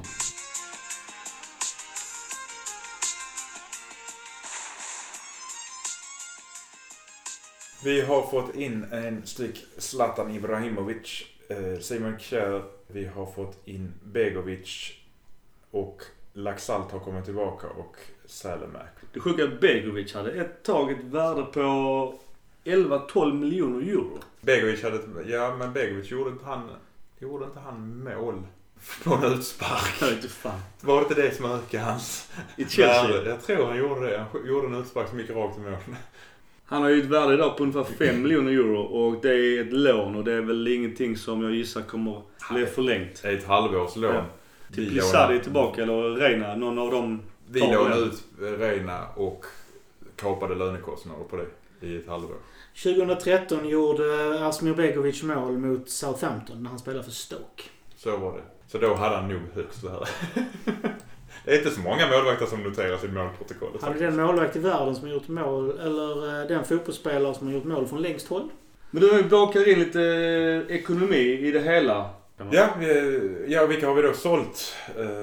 Eh, Det är också, det, sålt är väl lite fel definition utan vilka vi har blivit av med. Ja, det är det som är det hemska. Sus är ju bara såld om han presterar, så att den är väl körd. Precis, men de som inte är med i truppen, så här kan vi säga. Asus har, det- om de når Champions League är de tvungna att köpa honom. Jo, jo. Och det är ju inte helt omöjligt. Nej, ganska I lite. alla fall 18 månaders lån. Ja förlåt, Mackan. Ja, de som har lämnat truppen i januari är Suso, Reina, Borini, Caldara, eh, Rodriguez, Pion. Och de rena försäljningarna är i Rodriguez och Piontek. Hur ser Financial Fair Play på För jag tror, eller ja, det är ingen ren försäljning nu. Jag tror att Rodriguez var en lån med Ja. en köptvång. En miljon, Ja. en miljon plus fem för att gå break-even typ. Vad var din fråga nu? När... Nej, vad, vad, jag, vad säger Financial Fair Play med Suso? Om att vi får in, även det är garanterad vinst sätter Financial Fair Play, men lite han kostade oss. Kontra vad om man går då för 22 miljoner euro till, till Sevilla. Alltså, om allting går igenom så tror jag att Milan eh, helt plötsligt landar på plus denna säsongen istället för att gå 900 miljoner minus som vi gör i princip varje säsong. Och nu är det kronor, vi pratar ingenting annat. Mm. Antingen tyder det på att vi helt plötsligt har tagit Financial Fair Play på allvar. Vilket såklart är viktigt om vi spelar i Europa. För spelar vi inte i Europa så betyder inte Financial Fair Play Nej. så mycket. Och nu tänker jag som supporter, nu tänker jag inte som ägare. Såklart är det, äger du en klubb så är det ju jättebra om du inte går 900 miljoner minus varje år. För dig och mig och ni som lyssnar så är det kanske roligare att det går bra på plan. Och att vi vinner grejer än att Elliot tjänar massa pengar. Jag föredrar faktiskt också det. Ja. Det kan ju som vi då varit inne på betyda att vi rensar så mycket vi kan för att det kommer in ny ägare och vill, ha, och vill kunna då investera i sommar utan att stå med dödkött helt enkelt. Jag tror det kommer investeras mycket till sommaren. Men det är mycket snack här nu om Boban och Maldini som sportchefer utifrån det ekonomiska att de har sparat en jävla massa pengar för klubben, gjort av med dåliga kontrakt och etc. och tagit in lite billigare. Och Vad har vi spontant att säga om Boban och Maldini denna transferfönster? Alltså se till vilka de har värvat så både i somras och nu med facit i hand nu när vi börjar se det så har de inte gjort dåliga värvningar. Det dåliga var ju att de har inte gjort sig av med dödköttet innan och de har kanske värvat någon för lite men de de faktiskt har värvat är ju bra. Har ju visat sig vara effektiva. Så, och nu att få in Zlatan, Kjär, det har ju varit ett jättelyft. Lyckats med det de har gjort. Sen om de har förmågan att ta det hela vägen Kanske inte. Och därför det andra ryktet som är på gång nu med Rannike. Jag tror han, om han kommer in, kommer han i så fall få någon övergripande, hur ska vi säga, directorroll. Att han, som han har haft lite grann i Red Bull, att inte hands-on, men att han lägger upp riktlinjerna, finns som deras, alltså kan vi säga Maldini och Bobans chef. Men det är inte väldigt många kockar i köket Nej. nu. Alltså han kommer ju dels vara chef över coacherna, han kommer vara chef över dem, han kommer dra upp riktningen för ungdomslagen och seniorlagen. Alltså en fast punkt ovanför alltihopa. Så att Boban och Maldini kan få sina uppgifter och sen jobbar de. Men kommer de vara kvar tror ni, om vi får in honom? Det tror jag. Vad tror vad säger du Mackan? Kan de tre stå i samma kök? Klarar man av att jobba med, med Elliot och Gazidis så tror jag att de skulle klara av det, det också. Vad var skönt. För Gazidis har ju fått hjälp av en dansk från FCK. MFFs icke-broderklubb. Icke broderklubb. Ja, han har ju... Vad heter han? Christiansen? Nej, vad heter han? Jo, det var något sånt. Han har i alla fall blivit då eh, anställd från april för att eh, höja sponsorintäkterna helt enkelt. Och han har väl lyckats ganska bra i Köpenhamn. Men betyder det att Gazidis har varit kass? Jag tror inte det. Jag tror möjligtvis att det kan finnas meningsskiljaktigheter mellan Maldini, Boban och Gazidis om hur man värvar såklart. Problemet för Gazidis har ju varit att det sportsligt har gått dåligt. Det är inte lätt att höja sponsorintäkterna när ett lag går dåligt. Nej. Möjligtvis så kan man säga att vi har ingen bilsponsor för tillfället. Och det har det varit snack om i, ända sedan Gazidis kom att han skulle ta tag i och där har det inte hänt någonting. Och det kan man väl säga är dåligt. Summa summarum, kan vi ge något betyg till Boban, Malini, januari fönster? Om vi bara säger januari. Alltså jag tycker inte det är ett bra fönster. På grund av? På grund av att vi har för tunn trupp. Vi har slängt för mycket. Tagit in för Sen så lite. kan jag ju då, som jag alltid är, jag är ju diplomat. Beroende på vad som händer i sommar så kan det vara helt rätt move för framtiden. Men om du tittar på årets säsong så tror jag att vi är för tunna i truppen för att, kunna klättra upp till någon Champions League-plats. Lite eh, med Verona-matchen i bagaget. Bland annat. eh, Men jag tyckte faktiskt det innan, innan jag fick reda på att Zlatan och Kjär var sjuka. eh, Och kronisk muskelproblem. Som sagt var, det är svårt. för- 1 till 4 betyg. 4 till 4. Ja, man får inte sätta 3 för det blir så... Då är diplomaten... Du får säga 1 till 4 men Mackan får 1 till 4. Han, får- han, han får säga 1, 2, 4, 5 alltså. Han får säga 1, 2, 3 eller 4 i betyg. Jaha, du tänker så. Ha, det får en tvåa. Ja. Gurra, du får säga mellan 1 och 5 för du är inte lika diplomatisk. Nej, men jag är mycket drygare. Men säger du att- 3 får du stryk. Men jag hittar ju alltid på mina egna system så att eh, det, det får du liksom vara med. Såklart. Ja, naturligtvis. Alltså, sett till en startelva så är detta en fyra. Det här fönstret. Vi fick in vad vi behövde och vi höjde vår startelva. Sett Vilka då? Zlatan, Kjär framförallt. Ja. Det, de har ju varit alltså riktigt... Jag bara så jag förtydligar för jag, jag är med dig. Ja. De två, att få in de två nu är precis vad truppen behövde och därför är det ett jättelyft. Sett till truppmässigt så är det en tvåa. För vi har mycket tunnare trupp och vi har inte alls den bredden som vi egentligen behöver i det här stadiet av säsongen. Men eh, vi lite grann, vi får sitta som i flyktbilen utanför banken och hoppas att eh, vi hinner iväg innan eh, polisen kommer. För att får vi skador på fel spelare nu så kan den här säsongen snurra ut ur kontroll ganska fort. Har vi tur med skador resten av säsongen? Absolut. Mm, det är en chanstagning utan dess like. Mitt betyg blir nog fan... Den, ja, jag sätter den diplomatiska trean. Oh! Men jag, jag, må- det är svårt att, att ändå inte lyfta, som vi sa sist, världens sämsta deal med Caldara. Det tycker jag Milan gjorde så jävla dåligt. Och att om man nu stryker medhårs, det kanske att det spinner tillbaka på någon vänster, att det blir lite pengar tillbaka. Vi kanske går break-even efter de här åren med Caldara. Kanske. Han kanske kommer tillbaka bättre. Jag vet inte hur det kommer spinna. Men i den dealen så får vi Kjär och det är ju ändå en spelare som petar Musacho förhoppningsvis. Så att därav blir det ju plus minus noll någonstans. Och Kalan fick ju inte spela för Musacho så då är det bättre att man skeppar honom. Sen tror jag också att Milan har gjort, av, eh, gjort sig av med en dålig frukt i fruktkorgen i form av Suso. Hade han varit kvar i truppen så tror jag att han hade varit en riktigt sur, unken citron. Som har luktat illa till slut. Att skeppa honom, sen får vi inte pengar rakt av nu. Men jag tror inte det fanns någon, någon chans annars. Jag tror, att, jag tror att han hade dragit ner moralen. Och idag så verkar moralen vara skithög i Milan. Det är såklart att resultatet går bra. Vi har haft ett ganska gynnsamt spelschema som har gjort att truppen kan andas några extra poäng. Det kan vara det att vi nu, två matcher i Juventus, får, får 0-5 i röven. Fan vet jag. Och då är moralen på noll igen. Men jag tror att eh, Suso var nog eh, ett måste att bli av med. Om man inte spelar honom. Och det är som jag sa också, på tal om inte för att han är bra defensivt, men på andra sidan då, som vi spelade när han var liten, då var ju vänsterfoten på vänsterkanten. Återigen, varför provar man inte spela Suso som vänsterytter innan man skeppar honom? Men summa summarum, jag ger dem tre, eh, kanske två och en halv, men eftersom jag älskar Malini så får han väl ett, en halv poäng extra. Alltså skulle vi sålt Suso och fått pengar för honom skulle vi sålt honom förra januari. Oh ja. Då hade vi fått 35-40 miljoner pund för honom.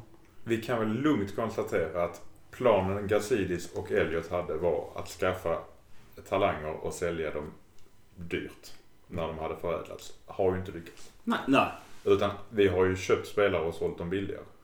Och det är också som du säger att eh, det blev lite wake-up call. För att deras eh, tanke var ju att vi skulle ha ligans yngsta trupp, vilket vi också hade ett tag. Men nu fick vi in då Begovic, Kjär och Zlatan. Två alltså, spelare som definitivt inte hör till eh, ungdomsfinnarna. Utan det är lite mer killar med hår på bröstet som har varit med ett tag ju. Och det är det Milan behöver. Mm. Jag har gärna sett en, en kille med hår på bröstet även på mittfältet. Det är väl där vi... Det hade nog fått högre betyg om vi hade fått in en, en vice Benazer som har erfarenhet. För nu istället kommer man kanske skeppa Biglia för argentinska fönstret är fortfarande öppet. Ja, det, jag är med på det också. Det, det är som jag skrev på Svenska fans att jag kan tänka mig att släppa Biglia till Boca om nu det är aktuellt. Eller, och kanske ta en liten, liten del av lönen om Milan får någon första king på någon Boca-spelare framöver. Om man kan göra den dealen. Ja. Då är det värt det. Och kan de ta lönen rakt av, att, han, att vi skippar lönen helt och han börjar från noll i Boca. Ännu bättre.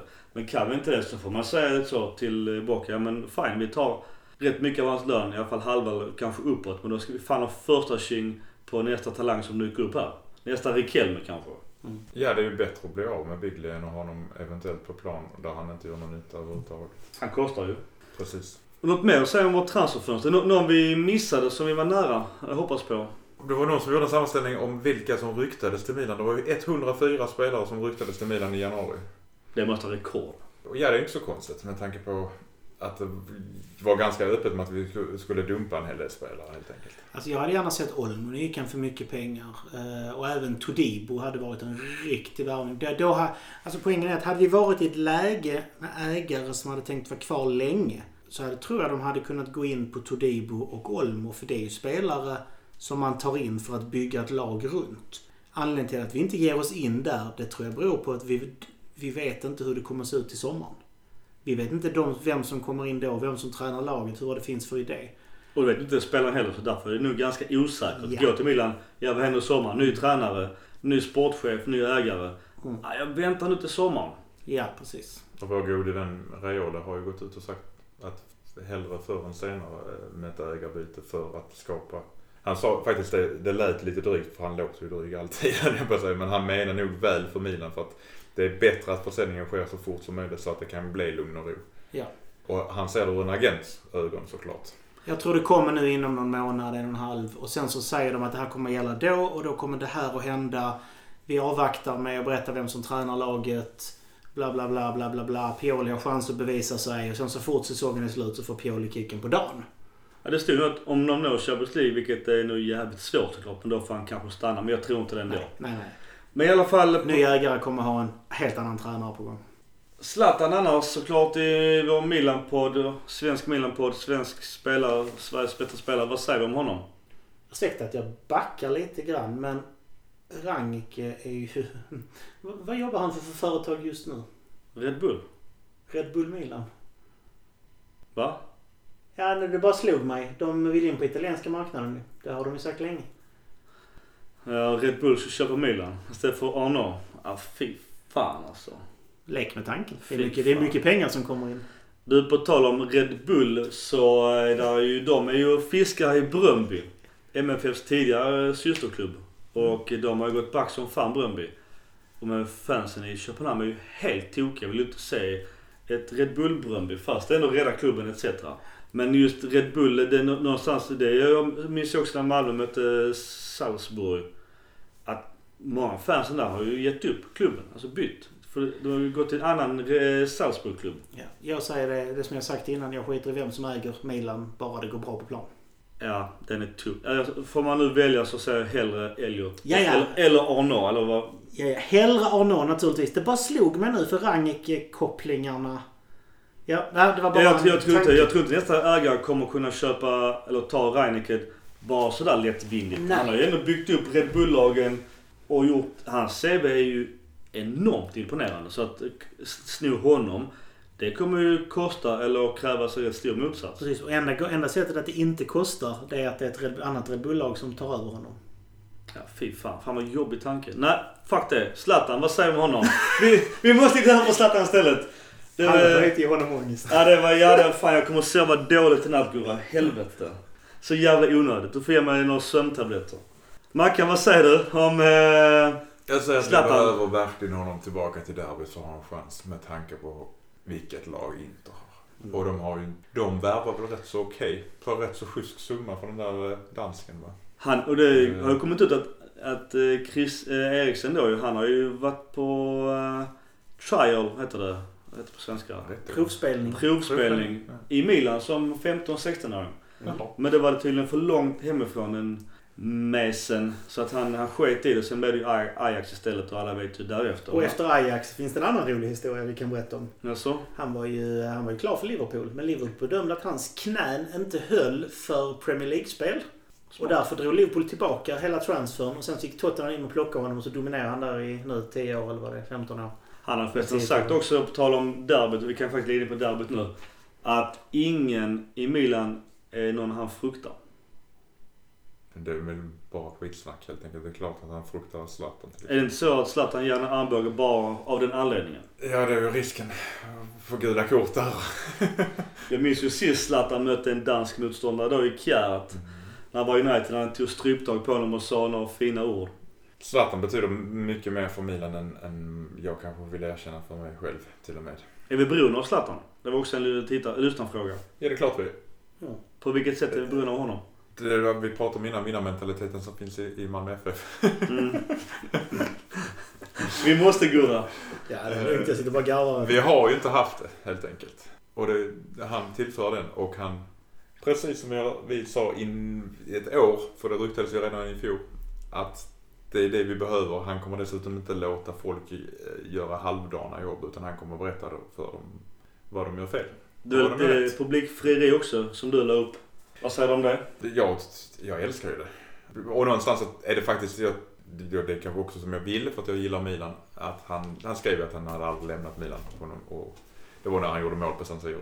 Och på något sätt så tror jag ju inte att han ville lämna heller. Det, det är ju ganska många som har sagt att han aldrig ville lämna Milan. Så. När han gick till PSG. ja. Det, nej, det var väl officiellt. Det var mycket snack om Thiago Silva och de hade kontakt och helt plötsligt så...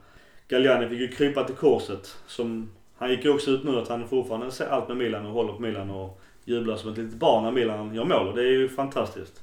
Vad säger du Gurra om Zlatan och den impacten han har haft i Milan? Ingen kickar i fotboll som han. Han var flabben alltså.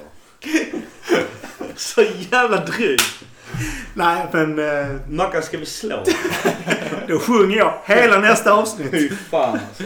Nej, men det är ju det är en gigant. Alltså, han höjer laget. Han är en ledare. Han håller i bollen. Och framförallt så får drar han ju på sig två markeringar hela tiden.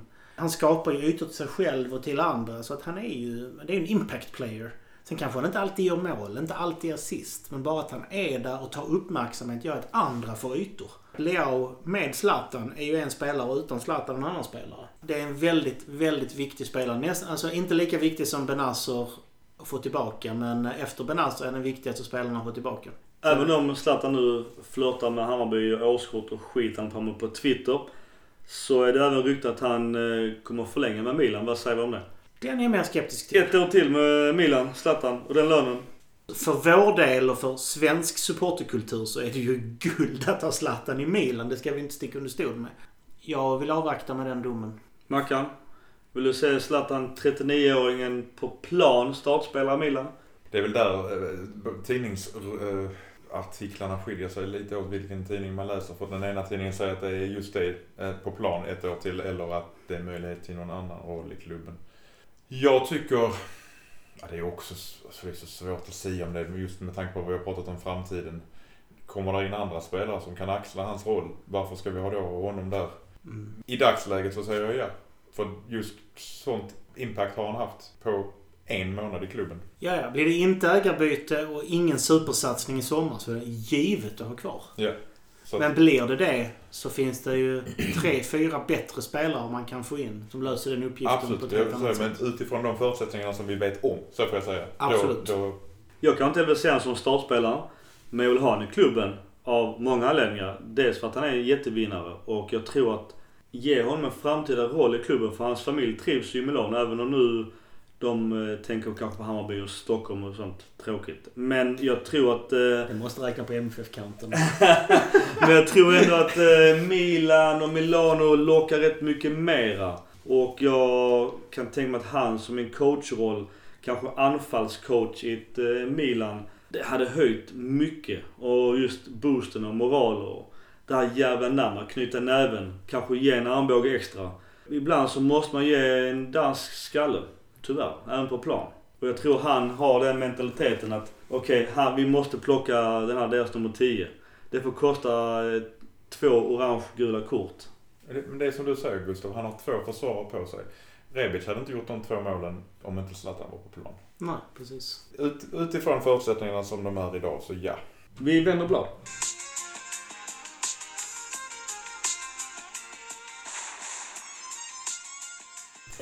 Jag tittade på vilka ungdomsspelare vi hade i primaveran som var topprankade inför säsongen. Och även om Micke har fått lite fusk så ska vi se hur många ni två klarar av att pricka in av dem. Vilka var de sex högst rankade ungdomarna i Milans primavera inför säsongen? Hö- Högst rankade i Milans primavera Ja. inför. Av europeiska scouter. Mackan, ska du, Oh, se, se, se, se om du sätter en.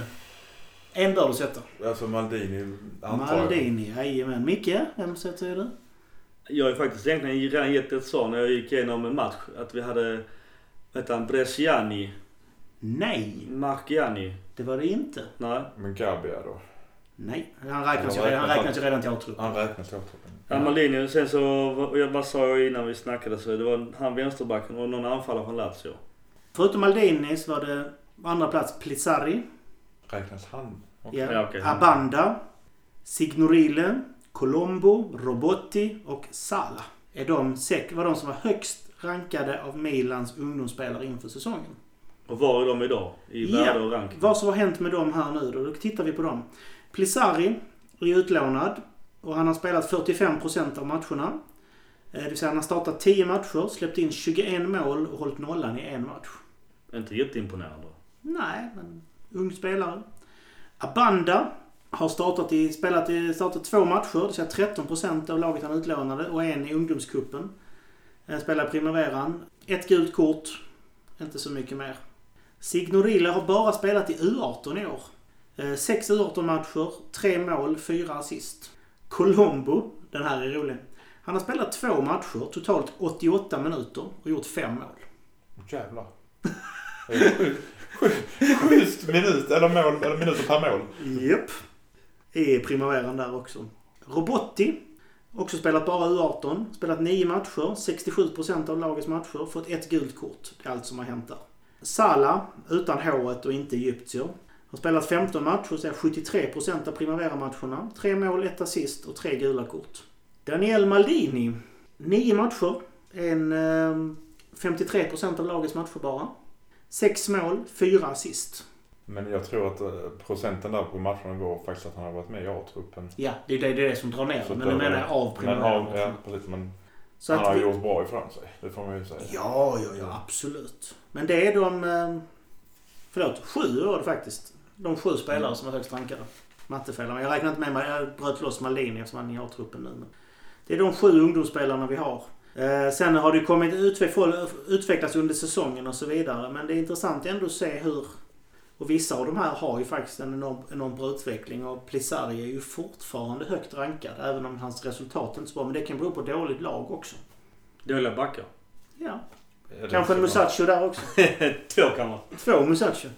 Nej, det är ju inte konstigt att en målvakt släpper in mycket om det är dåligt, dåligt försvar. Det är ju Nej, rätt så naturligt. Färdig med dem? jag var färdig med ungdomsspelarna.